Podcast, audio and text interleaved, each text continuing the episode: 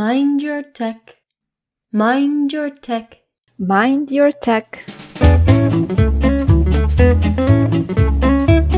Welcome to a new episode of Mind Your Tech Bridging the Gap. I'm Marike van Vliet and I'm working as a bridge between business and technology.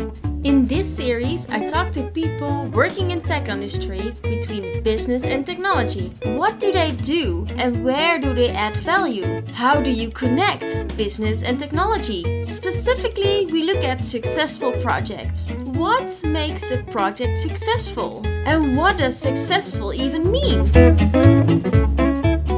Today I'm talking with Anna Nudge, Senior Agile Coach at the Raiffeisen Bank. She made quite a journey in her career, starting as a software engineer, working as a Scrum Master, and now as a Senior Agile Coach. How does she see a successful project? How does it change with different perspectives? Within a team or overlooking multiple teams, for example? And what about different sizes of company? How does a successful project look in a startup compared to a big corporation? Let's ask her. Welcome, Anna, in the podcast. Hi, thanks. Could you introduce yourself, how you would do it at a party to someone in a completely different field of work? Oh, wow. What a question. So, uh, I would say, hi, I am Anna. I uh, work as an agile coach, uh, and uh, that is a strange, strange job. Uh, but in summary, uh, what it means is that I help people in their uh, digital or transformation journeys. And do they know uh, what you what you mean if you say it? What what is usually the, the follow up question that you get? Yeah, it depends depends on the party. Like if you really do go out uh, with uh, a lot of people who are working in IT these days, uh, everyone is connected. Then it's easy to understand. But if you are trying to explain it to my parents or my yeah, relatives, yeah. yeah, then I would uh, even uh, uh, get myself into the yeah, yeah, yeah, I'm some I'm managing people in some way. Uh, I it's a different type of management, but you know it's it's uh, this type of a role. Yeah, yeah, but I I can imagine that it's uh, sometimes hard to understand if you are not at all in the in the field. Yeah, it's it's one of these uh, jobs that are hard to explain because you don't have any concrete outcome So when I used to be a developer, uh, that was also hard to explain to my relatives because they would ask me, Oh, you are in electrical engineering, you are an engineer. Can you fix my TV?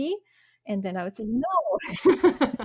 Can you fix my computer? Not really.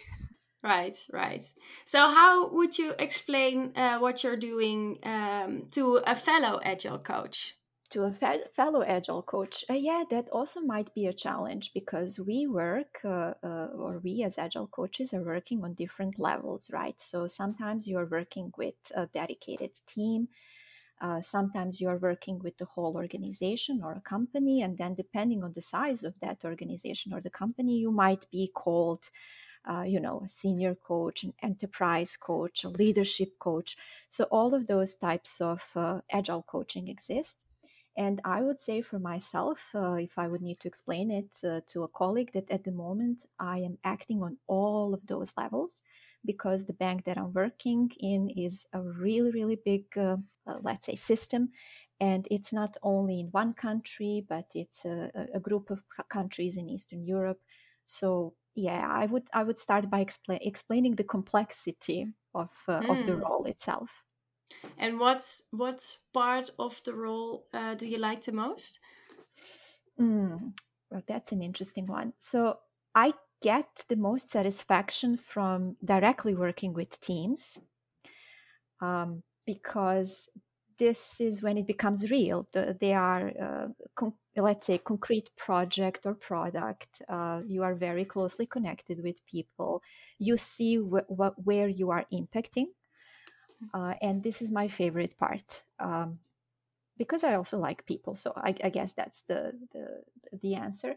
Um, although I do find satisfaction when I am doing uh, leadership coaching or individual mm. coaching, because uh, this goes to deeper levels of connecting with people and learning from them. And if if I am able to learn from uh, leaders uh, on in different industries, that's always always interesting and very rewarding. Yeah, can imagine. It's awesome that you have those different sides now at your at your current position. Yeah, I, I think I'm lucky with this. Yeah. Yeah. Uh, let, us come back to that. But first, I wanted to ask you a few questions to get to know you better. And mm-hmm. it's in a, a this or that um, mm-hmm. way. So um, I'm saying two things and, and you choose. Mm-hmm. All right. Online or in person meetings? Mm, in person. Scrum or Kanban? Ooh. Hmm. Uh, at the moment, Kanban. Okay. Why? Um, because I was uh, such a long time in Scrum and I, I have become very proficient, but uh, I'm exploring Kanban and what it can offer. So I'm enjoying it a lot. But I think ah. that my uh, answer, if you ask me in a month, will be Scrum with Kanban. Ah, a combination. Yeah, Interesting. How how would that work?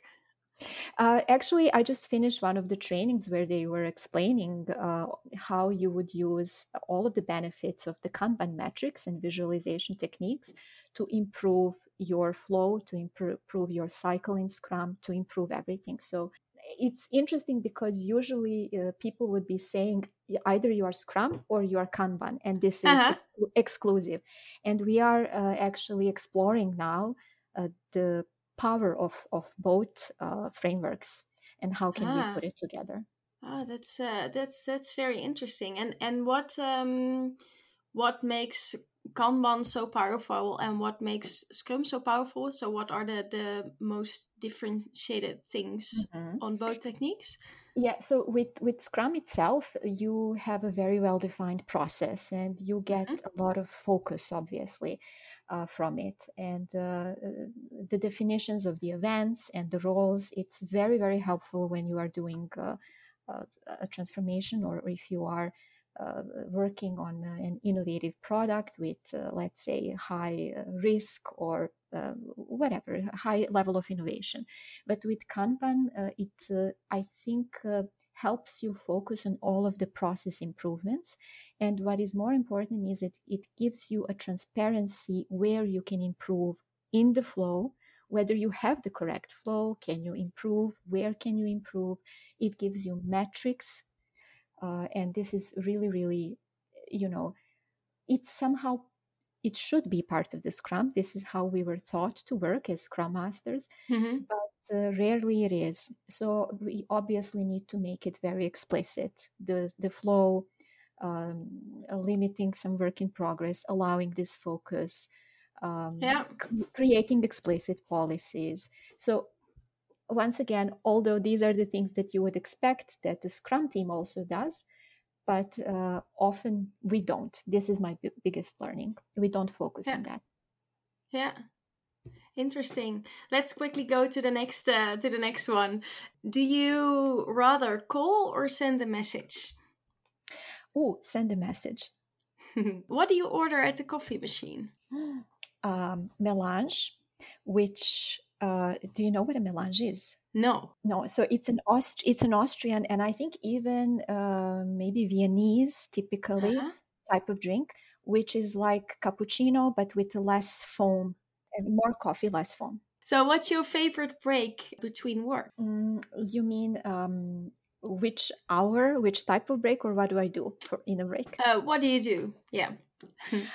Uh, I stretch uh, and listen a little bit ah. to music. Yes, that's my stretching. Favorite. Stretching oh. and listening to music. Yeah. Good one. Good one. What's your favorite meeting? The one where I can feel comfortable and joke around with participants. Can you create that setting or? Yeah, if I usually if I am the uh, organizer or the facilitator of the meeting, this is my uh, approach uh, to bring uh-huh. this this sentiment to to this meeting also yeah um what do you do when you are completely in your element oh i am i think dancing while walking or floating on air but wow. in yeah, that's how I feel when I'm completely in my element. Ah, and can you do that at work sometimes? In my head, yes. if you um, could go on, uh, if you could go traveling for three months, where would you go? Uh, I would explore, I think, Indonesia because I have never been there and it sounds like a lot of interesting places to visit, uh, culture and history to, to learn uh, about and, and people. So, this is definitely something that I would like to make happen one day. And if you would be gone for three months, what would people at your work miss the most? Um, me lifting their spirits, I believe. And this would be the most important fact because everything else, or like my personality in general, everything else, uh, some, someone else, for, I'm sure, would cover. Yeah, yeah. Oh, that's a good answer. that's how it should be, right? that's how it should be, yes. Yeah, yeah, yeah. So is that also, do you think, where you add the most value? Oh, that's a good question. So if uh, if I would be completely honest, I think yes. Uh, I, I think that's important or the prerequisite for any other work or any other value to be added. Uh, and this is um, something that I have seen over time. It is my strength. So I maybe sometimes uh, over exploiting it. uh, but for sure, this is the baseline. And then additionally, improving communication, connecting people, kind of uh, diffusing uh, some uh, extreme or uncomfortable situations. Yeah, you said sometimes I'm over exploiting it. What what do you mean by that? yeah so, so, I, I think that sometimes it might not be necessary uh, hmm. you can you can do it without uh, being uh, or lifting up the the uh, the sentiments or the emotions in the meeting but i still kind of do it because i feel in in some times or in some situations people need it yeah uh, and and not their working personalities but maybe their um, you know private personalities or yeah. something is happening in their lives. So that's that's what i meant. Uh, sometimes it's uh, the, the, the job is not calling for this mm-hmm. but i still do it. Yeah. Does it also happen that it doesn't work? Oh yeah. Yes. Yes. Uh, so of course uh, it's not uh, because it's a type of a communication um, and the communication is never single line mm-hmm. or one directional um, if I don't sense the room or if people don't know me. So it sometimes it might be conveyed as uh, me behaving uh, arrogant or in another way be- behaving like childish. So uh, it happens, of course. Uh, but usually my experience is that when people get to know me or that we get to know each other, it starts to to work. I haven't had an experience where it ended up in 100% failure. Yeah you can always um, use the experience to build further upon. Yes you learn how to because you need to learn how to communicate. Sometimes i i uh, reduce the the volume or the intensity or you find the right words because you learn about another person how how they need this to be packaged this message yeah. in better words or uh, with a different uh, emotion connected to it. Yeah. Yeah. It's really beautiful how um, how you describe it and how how you can give words to it actually. Yeah. Mm. beautiful. Yeah i'm i'm, tr- I'm trying. Thank you. It's not as easy as it sounds. I, I make an effort for you marike. Thank you. So your role now as as um, senior agile coach does it have any boundaries and and what I mean with boundaries is is it clear what is expected from you? And do you also have the possibilities to do things that are outside these boundaries? Uh, that's, I think, uh, the whole agile coaching community would agree that uh, we are, um, hmm, although we, we tend to say we have a very well defined role, it actually depends on the context and this mm-hmm. is my my experience to be perfectly honest so if i would solely uh, be uh, focusing on theory and the description of the role i would tell you that yes we have the boundaries uh, uh the boundaries are that we should never be the ones actually doing the work uh, of a team mm-hmm. So even though I have development skills, if I sit down and do a development, that would be contraproductive or not helping the team because we would be there to rather coach, consult, empower, train, etc. So this would mm-hmm. be the defined uh, boundaries or, or, frame for us in theory. In in practice, um, it it's a little bit different. I would uh, uh dare to say. Um, and um, what we normally do is we would go, or I would go to a, a team or a project or to an organization, and I would take a look and we would do an assessment. And based on that assessment and based on their needs, we would make something which is called uh, an agreement. Uh, the mm-hmm. uh, professional term is an agile coaching agreement, and this in this agreement the boundaries would be defined. So I would or the expectations. So I would be uh, writing things like, for this team, uh, I would be only doing consulting which means uh, you have a scrum master, you have a product owner, you are a mature team. Let's uh, make an agreement that whenever you need something, you would ha- come and call me and ask me, and we would have a conversation and I would give an advice. Yeah. So I would be doing consulting or advising. For other teams, uh, usually it happens when they are uh, not that mature. Mm-hmm. So you are establishing the team from the beginning you are uh, having a scrum master who has never been a scrum master you have just assigned him. In this scenario i would even go in a scrum master role for a couple of weeks or months to rather coach or train by example. Yeah. So but this this would need to be explicitly uh, agreed. Whether we would write it or it would be just something as part of the conversation uh, but uh, we would need to, let's say, write it down because there there have been, and I have learned it the hard way. There, mm-hmm. there, there, would have been uh, different expectations from different people in the team or in the organization how I should behave. Uh, sometimes they, they would expect me to be more involved than I would think I should be. So yeah. So you did it with uh, with a whole team, with people mm-hmm. separately, mm-hmm. or how how would you do that? Mm-hmm. So um, it uh, it depends. If it's the team on a team level, it really makes sense that I come and suggest something, and then they um, give their input. If it's for the whole organization, for for uh, uh, let's say tribes uh, or projects which are bigger than 40 people or if i worked in startups before this would need to be defined with the person on a, a, a level which are responsible for transformation so those would be usually we call them IT directors and product uh, managers, uh, or so on, on that level, on higher level. This is where I would define the expectations. Great tip to um, to do that beforehand yes i learned it the hard way yeah but but for everyone uh, as a as a business analyst when i when i started i find it pretty hard to you know exactly know where it is that i could really add value. And um, of course you need to get to know the team but uh, maybe if you know beforehand or ask beforehand i didn't do that. Ask beforehand what is it where you struggle the most with right now? Where can i you know immediately help you right now? Yeah that would have uh, helped a lot i think.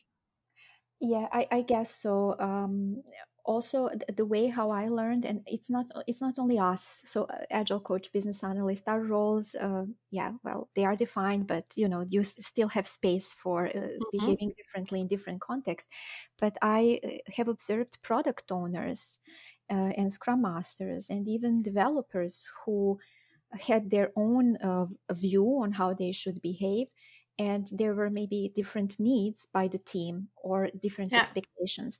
And it ends up really badly because we are also uh, bad with giving feedback right?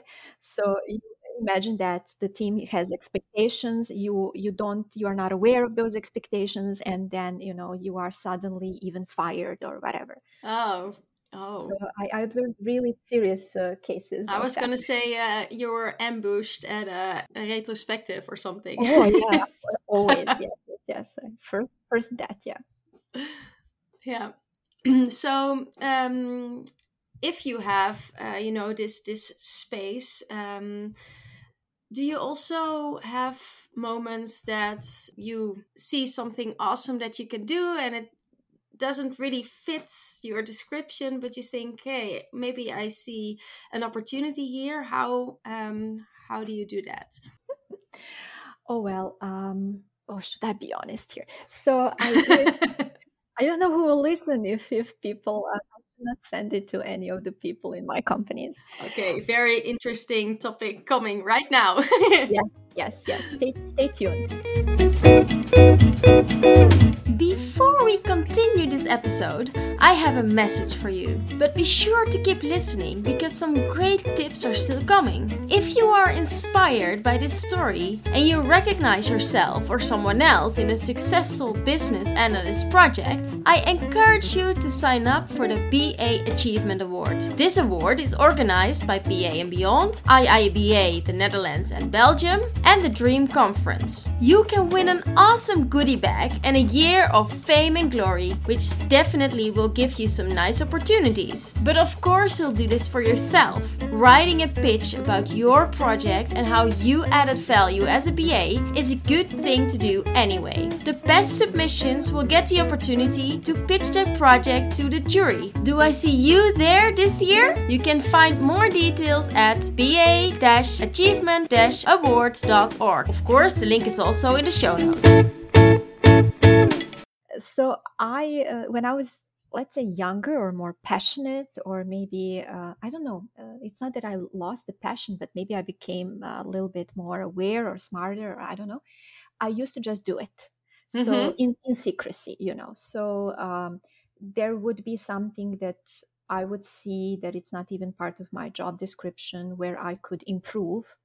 And I knew that I had skills or that I knew the right people. So I would just do it um, now I think I'm becoming more aware of how would that single um, uh, spirit or uh, I don't even know how to call it a spark of uh, uh, enthusiasm how would that impact the whole system and how would it uh-huh. impact the future the future of the team or how I have am per- being perceived so it's like being older being smarter something like this I can give you one example where I'm still proud that I did it and I would do it again. Uh, okay. we, were working, we were working in a startup organization, and uh, we had teams uh, which were, uh, let's say, equipped with all of the skills to uh, deliver uh, in iterative way of working. But we had a split bet- between front end and back end developers. So it, it was a, a, typical mobile app, but still mm-hmm. there was a split. And you know, we as scrum masters uh, usually would push for evolving the team and evolving in uh, learning the skills uh, or, or, doing the cross skill or t shaping and uh, from my side uh, i was seeing a, a perspective or a, a, possibility for the backend developers to take on from or to learn a little bit of the front end work mm-hmm. and they were willing to do this but uh, the organization or were, was afraid to to do this experiment because you know this might slow us down at the beginning and uh, we don't know how slow we, this will get us etc etc so yeah. we we actually or i i did it without the permission of the organization uh, i trusted or the people who were experimenting with this that they will you know do it in in the best possible way so that they don't endanger anything else.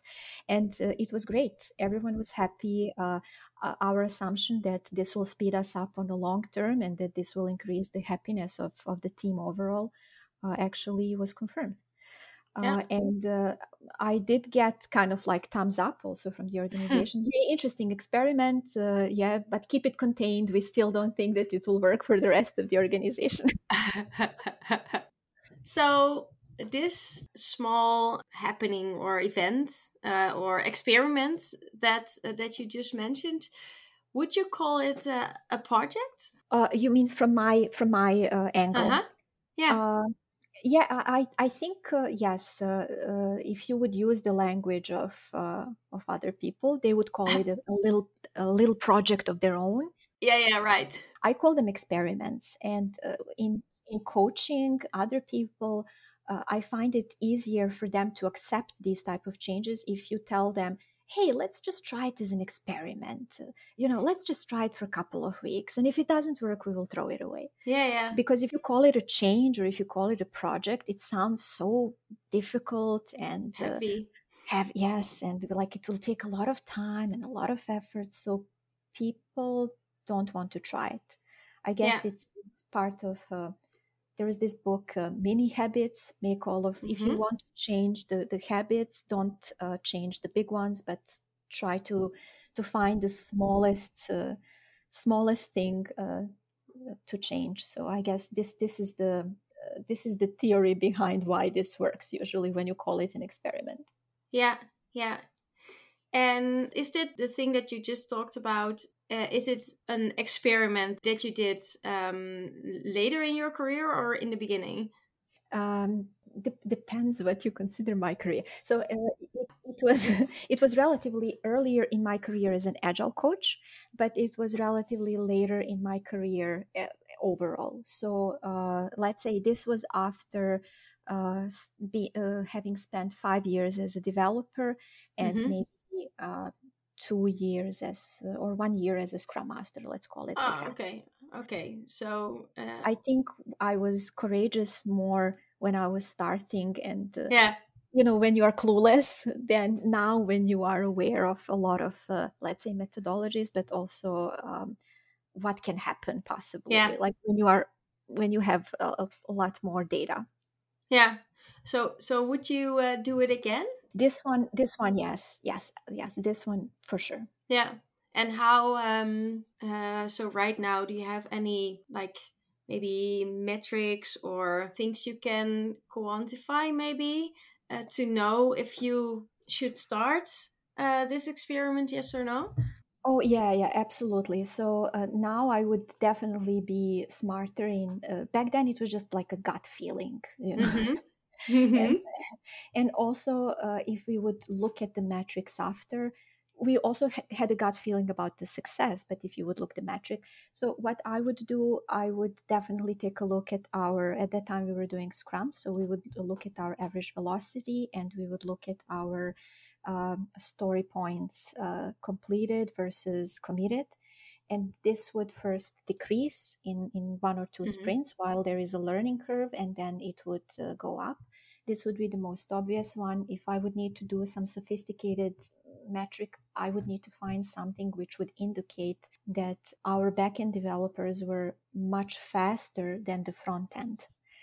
And they were finishing the work and then they were uh, in this during the sprint they were not doing any any work related to this concrete team, but we always had to invent uh, work for them to support somewhere else. So probably some I hate to say utilization of resources, but you know that obviously they they they were working for this team and that they were um, helping it speed up or yeah. Uh, supporting efficiency and happiness overall happiness metric for sure yeah how how would you measure it uh, we used to do it on a very like during the retrospectives. Uh, you would have uh, this. Um, um, I think it's called happiness metric. I, I first saw it from Liberators, I guess, mm-hmm. one to mm-hmm. five. You know, and it, it's a very very simple simple scale. Um, number one, I'm frustrated or I'm very unhappy, uh, and number five, uh, you know, I'm happy or extremely happy how things are going. Yeah and it would be just nothing sophisticated just very simple indicators so that you can start the conversation yeah so um, this uh, project or experiment uh, however you want to call it would you describe this as your most successful project or are there any uh, other projects that you can think of yeah so i think yeah this is an experiment uh, it, it gave me on a on a team level, it gave me a, um, a lot of satisfaction. Uh, or uh, while at, I was at the beginning of my coaching career, it gave me a confirmation that I'm doing something right. Or mm-hmm. so that's why I remember it as very fondly. Let's call it. Yeah, like yeah. Uh, the, the most successful ones are you know after this actually uh, all of those other projects became more and more complex and mm. the, the, problems became bigger animals. This is rather, you know, like an easy one that any Scrum Master would figure out eventually. So I think the most successful that I uh, have at the moment, or that I like to call a successful, uh, is something that we are working uh, in the bank, in the Raiffeisen Bank, and uh, it's actually a platform for uh, foreign exchange.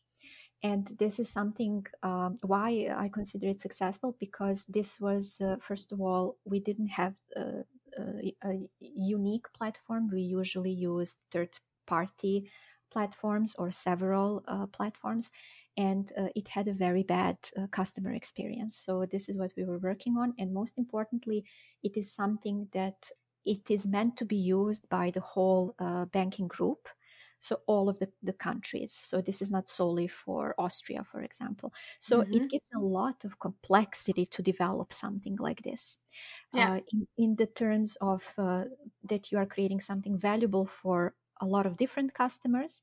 And then additionally in the terms that you need to establish development and communication with all of those countries. And additionally that you are doing an innovation in a heavy regulated banking environment. So so all of those um, uh, complex parts of the system make it uh, rather um, let's say, very prone to fail, failure on so mm-hmm. many levels. And uh, it, it's a uh, it's a big it was a big challenge, and we made it happen. Mm-hmm. Uh, and uh, that's why I consider it um, a successful thing because uh, not a lot of people believed in us. There were so many mm-hmm. opportunities mm-hmm. to fail, uh, and the fact that we made it happen, um, I, I really find it satisfying. Yeah, so that's um, especially when there's you know maybe there's there was just a lot to win that um, that made it it really successful. Can I say it like that? Yeah, you yeah I I think uh, um, because there were so many obstacles to overcome. Mm-hmm. Uh, and we were persistent and um, we worked very hard on continuously improving or finding where to improve yeah. um, and succeeded delivered at the end that made it successful yes. Yeah. Do you think that um, having to overcome a lot of obstacles or very hard obstacles does does a project need to be very hard to be called successful? No uh, so uh, yeah that's a very good point from you can make this conclusion from my story right Well, not if you maybe not if you compare the, the two examples that you described. Yeah, yeah, yeah. You're right. You're right. Uh, uh, I think not. Uh, absolutely not. Uh, it's just uh, that I'm connecting, obviously, an emotion or the level of suffering. right. that we had to endure with um, the uh, satisfaction that you have afterwards ah. about the the success. So yeah, that's interesting. Yeah, yeah, I don't know. Yeah, it's also interesting realization for me. Now this sounds like a psychotherapy session. yes. well, there are no uh, peaks without a valley. Yes, exactly. So um, I guess uh, it's how you are getting. I would explain it like this: how I'm getting more um, experienced and mature in my role.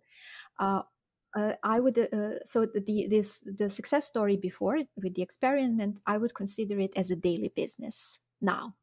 Yeah, and, yeah. And these more complex um, challenges, if I manage it, then I would call it a success. So it's kind of like um, you don't allow yourself anymore to be proud about these simple facts because they are your daily business, and yeah. now you have bigger animals or challenges to take care of. Yeah.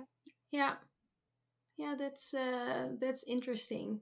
Do you think it always works like that, or do you think there are maybe different aspects of projects that could be um, still in your head uh, now, although it's uh, it's a long time ago? So maybe not the aspect of it being successful, although it was really hard, but maybe you uh, grew as a person, or maybe there are some other measures that could make it successful? Absolutely. Uh, so, uh, with this one, uh, because there is something concrete tied to it, and this is a delivery. Like you gave it to a customer, someone can use it. So, that's why we would say you know kind of like characterize it as a success others uh, for for me or let's say for the whole team would be also if you learn very fast that what you are producing is not bringing any value so you stop it and even though you didn't finish it you learned that you need to change the direction or uh, leave it fully or things like this for me personally the success is also if um, you you actually nicely pointed out if i gain a skill or an mm-hmm. insight mm-hmm. which is tremendously important either for me personally to develop myself as a personality or uh, in the role that i am in so those would be also the parameters of, of uh, the success so if you sometimes it happens that uh, you are I'm supposed to help a team or an organization with something. And of course, that it happens that I'm clueless about the topic that I'm supposed to help them with. So I, I give you again an example. And this is a funny uh, story because uh, the team um, uh, was working, uh, we, we were doing a scaled planning event so between multiple teams multiple countries etc etc and it uh, started to happen um, or we were supposed to do it when covid uh, hit so we were mm. supposed to online and there is this method from uh, which we borrowed from scaled agile framework from SAFe uh, which is called the big room planning or pi planning. And we mm-hmm. while we were not following the methodology we just wanted to do this. And we had maybe around uh, 40 50 people in an online call. Maybe i'm exaggerating but uh, that's how i that's how i felt.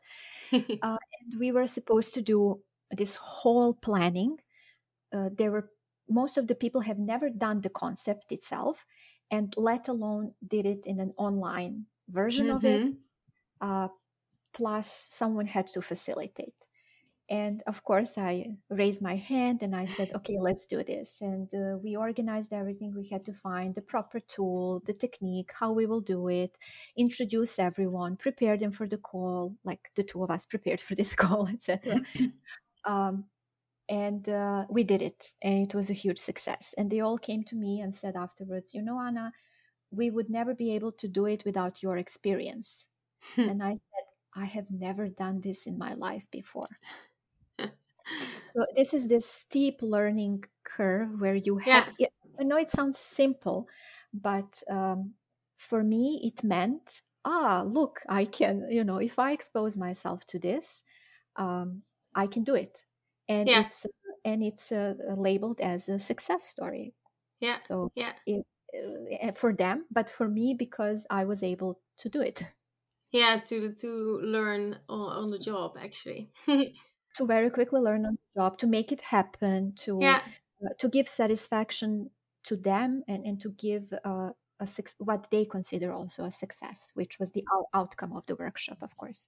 And could it have ever been a failure in in that yeah. in that sense for for the others maybe yes but for you yeah it it could have been um, so what i would have to deal with of course uh, this is a, a, a, safe to fail uh, mm-hmm. situation mm-hmm. because everyone was doing it for the first time they didn't have very high expectations they were they were worried but they were prepared that it might not work uh, still for me as a personality um, it's a hard situation to deal with because uh, to explain a little bit uh, I have been raised in an Eastern Europe, and we have we we are um, very tough on ourselves in in regards to failure.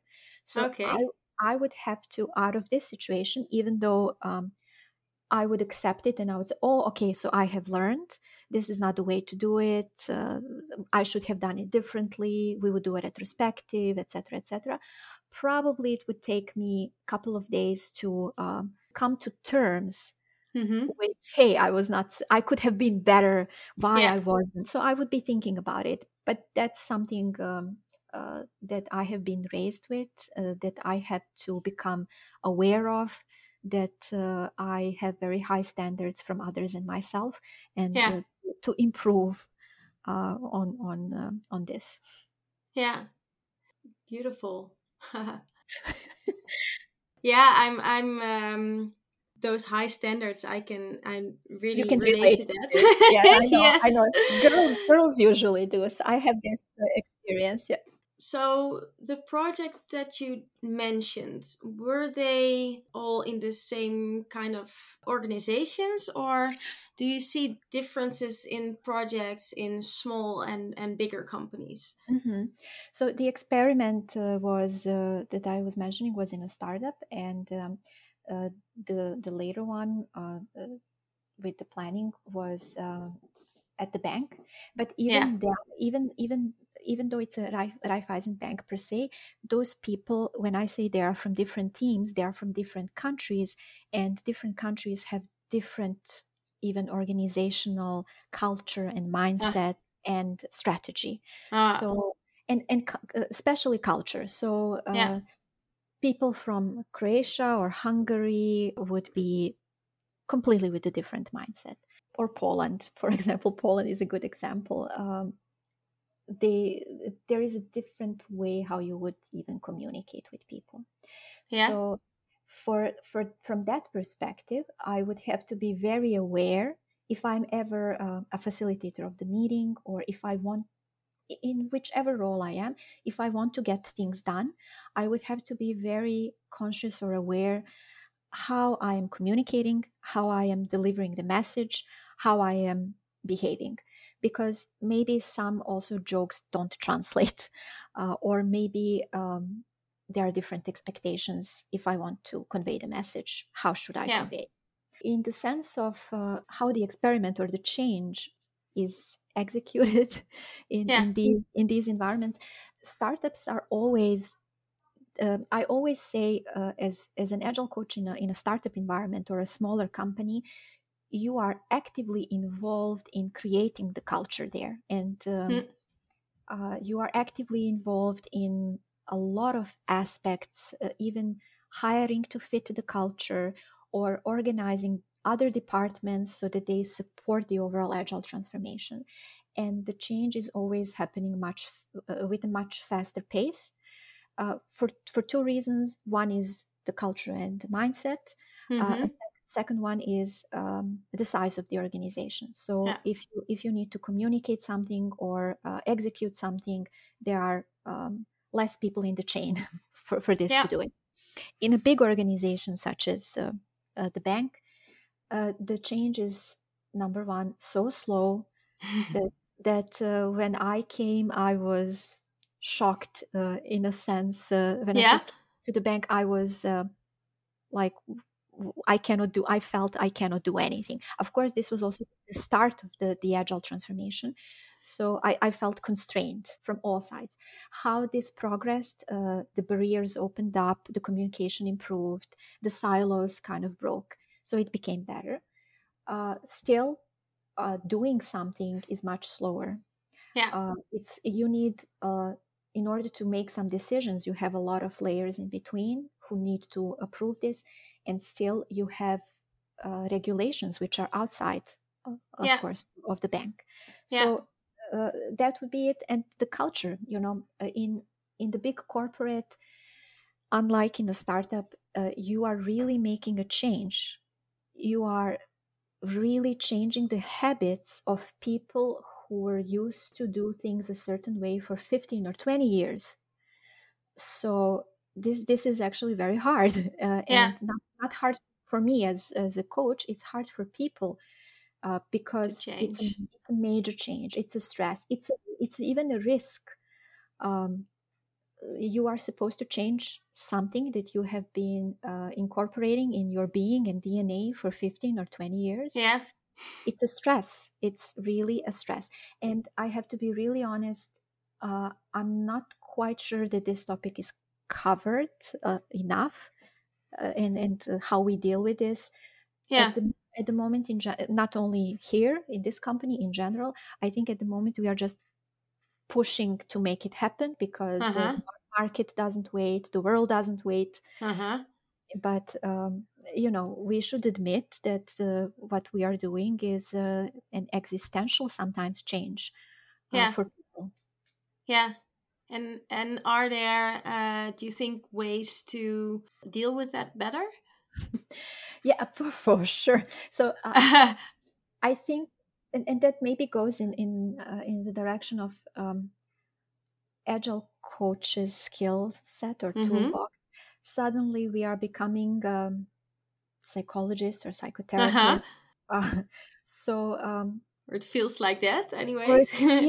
But on some level, we need part of that. I I think we need part of that skill set, mm-hmm. or, or, we need people in our team uh, so that we approach that who, who, are good with this so that we can approach this change together or that they yeah. can support people with this additionally what i already mentioned is making the change small uh, mm-hmm. make make baby steps for these type of things uh, be patient um, don't put everything at once. So those would be some let's say straightforward um, things that i have concluded. But i'm sure that um, it can be a whole um, science or methodology developed around this and maybe already it is. We just didn't have time to read that book. Yeah so so if you're looking at at your toolbox as a as an agile coach um what do you think are skills that that really um helped you that that you learned that really helped you in in your job Mm-hmm. So the, the basic uh, would be the agile, knowing uh, the agile methodology, knowing, uh, of course, Scrum and Kanban as different, uh, let's say, frameworks or, or types of uh, working. Yes, knowing different scaling methodologies or anything under the agile umbrella is useful, but I consider more important are facilitation techniques, uh, mm-hmm. conflict, conflict, resolution. Um, uh, communication techniques. Um, yeah, very very important. And uh, with the communication part, um, uh, I actually started uh, even improving myself uh, mm-hmm. or work, working on myself. And through this work, um, I, did some personal coaching and then I learned or realized that actually those techniques and tools from personal coaching I would also need in my my um, toolbox. So yeah. definitely coaching. And what and what um what kind of skills did, did you learn in that coaching or what kind of um, you know sensors did you mm-hmm. so uh, there are two things there is uh, something which is uh, agile coaching per se or, or coaching an individual and uh-huh. uh, that i would mark as, as a skill so you need to know how um, uh, how you do this according to a certain framework so that you are mm-hmm. qualified etc etc but what i have learned from as you call them sensors from personal coaching um, active listening mm-hmm. made simple but huge huge effect if you are if you if you learn it and how how would you develop that? How do you become better at it? Hard uh, exercise. Uh, so uh, first of all, you need to uh, you need to work with someone, I believe, uh, and uh, whether this person is a coach or just your sparing partner, and this you need to make an agreement, and this person is then you. For example, you say this is how I I did it.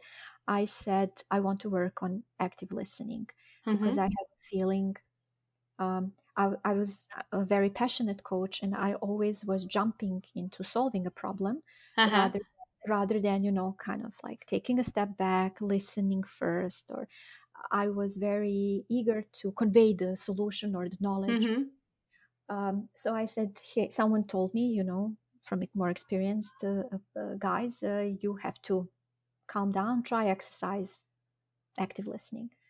I had a buddy we made an agreement and then in conversations you know he or she would be giving feedback at the end of the conversation how, how, i was or whether i have improved. So in, in actual conversations you had the person yeah, was there? Yes yes. Yes oh. but this was an this was an agreement. This was also one of the experiments in in a previous company because we were a team of scrum masters and coaches and we wanted to work uh, on improving um, feedback culture for the whole organization mm-hmm. but then we but then we realized maybe we should start with ourselves first so uh, yeah this this is uh, this was part of that exercise we were actually Yeah. rather working on improving feedback culture but what it brought to me was improvement also on for example active list uh, active listening Yeah. other types um, from particularly from personal coaching that i was receiving i worked a lot on communication Mm-hmm. uh, in, in general so yes active listening it, itself but also um, being present in the communication the way how i also convey the message becoming just becoming aware Yeah.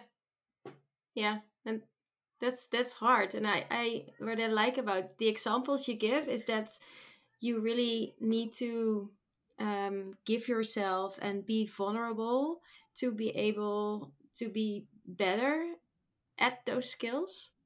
So it's pretty, I don't want to say hard, but y- you need to um, really set yourself open and go for it. yes i i, I cannot if you would ask me i'm not sure if um, this was uh, i cannot remember anymore if uh, this change was driven by my wish to improve in my job or i uh, i was improving as a person you know on a private level so i guess it's as you said it's very tightly connected it it uh, it needs to be a, a really personal change and development Yeah. uh, so for it applies for everyone but especially for our roles uh, as um, um, coaches i guess analysts leadership Connectors. Uh, yeah. connect Yeah. yeah exactly exactly So, do you have any tip for people who want to transition, maybe in a in a different role, how they can um, how they can do that? uh, wow uh, be brave Mm-hmm. uh, definitely it's worth of trying and uh, if uh, it feels like uh, like a failure after a couple of experiments then it's not a bad thing to go back but please allow yourself uh, at least one experiment to try it wow. and then dis- and then decide yeah. Well, I think that's a that's a very uh, nice one to close off with. Um, thank you very much for this conversation. It's always already been uh, almost an hour. So great to uh, to talk with you. How um, if people want to connect with you or want to know more about what you're doing, how can they connect with you? I think the best is uh, you can find me on LinkedIn. I am under Anna Nat, and uh, yeah, uh, I would be very excited to to connect and uh, learn from this community. Okay, awesome. Well, thank you very much um, for this conversation. Thank you, Marieke. It was a pleasure. Thank you for being therapist for today. Thank you. Bye bye. Bye.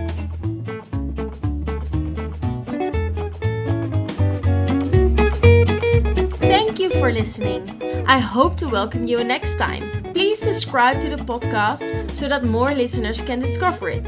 Or just recommend it to friends and colleagues. I would really appreciate that. Do you have questions or suggestions? Send me a message on LinkedIn or Instagram. You can also go to mindyourtech.nl. See you next time. Mind your tech. Mind your tech.